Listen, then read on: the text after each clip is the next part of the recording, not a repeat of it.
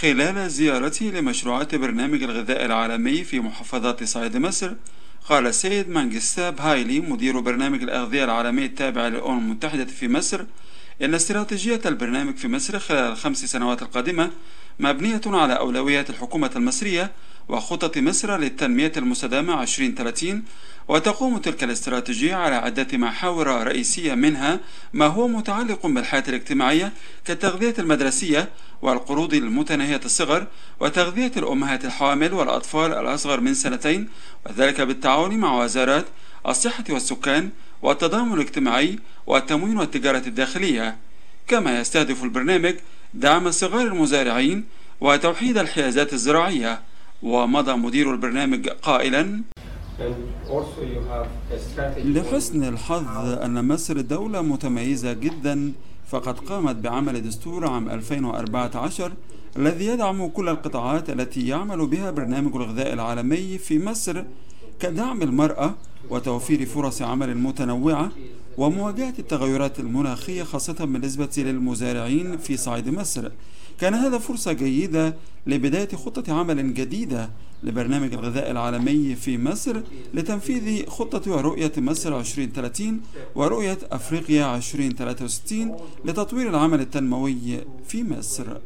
ويسعى برنامج الغذاء العالمي في مصر إلى زيادة دعم صغار المزارعين في محافظات جنوب الصعيد حيث يعمل بالتعاون مع وزارتي الزراعة واستصلاح الأراضي والموارد المائية والري على توحيد الحيازات الزراعية بين المزارعين لزيادة إنتاجيتها من المحاصيل المختلفة من خلال توفير مياه الري لأبعد المساقي وتقليل الهدر في المياه كما تشرح المهندسة أماني علي للمسؤولين بمحافظة أسوان. اللي بيحصل بقى حضرتك إن طبعا زي حضرتك قلت هنا الحشائش وفرت مساحة في الأرض الجانبين بتتزرع.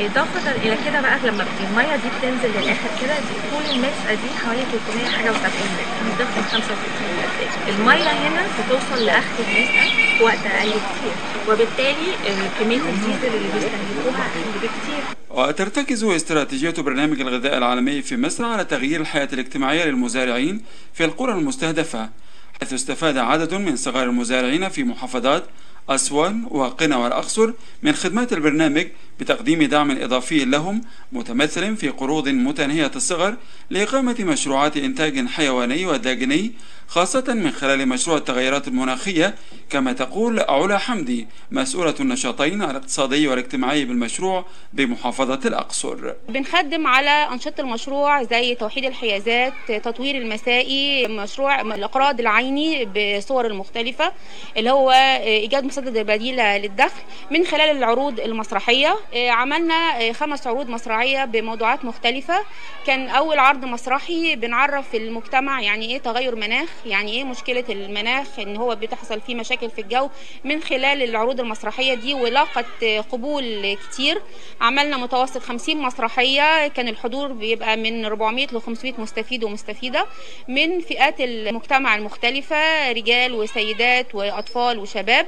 الفكرة دي بتخدم على الأنشطة بنخلي الناس تعرف بسرعة يعني إيه تغير مناخ. وتحدثنا زينب حمدي كيف استفادت من خدمات المشروع من خلال القرض العيني الذي حصلت عليه؟ أول حاجة تعرفنا بالمسرح شفنا مسرحية قبل كده عندنا في القرية فهي عرفتنا عن المناخ التغيرات المناخية فبعد كده يعني عرفتنا اللي هو إيه تغير مناخي فعرفنا التغير المناخي هو يعمل الطقس والجو بتاع البلد وبعد كده عرفتنا برضو بالتغيرات المناخية اللي هو القرض العيني البط أنا مستفيدة بط جاءت زيارة مدير برنامج الأغذية العالمي بمصر لعدد من محافظات الصعيد في إطار تحقيق أهداف الاستراتيجية القومية للتنمية المستدامة 2030 وذلك لتحسين الأمن الغذائي والتغذية بين الأسر الأكثر احتياجا.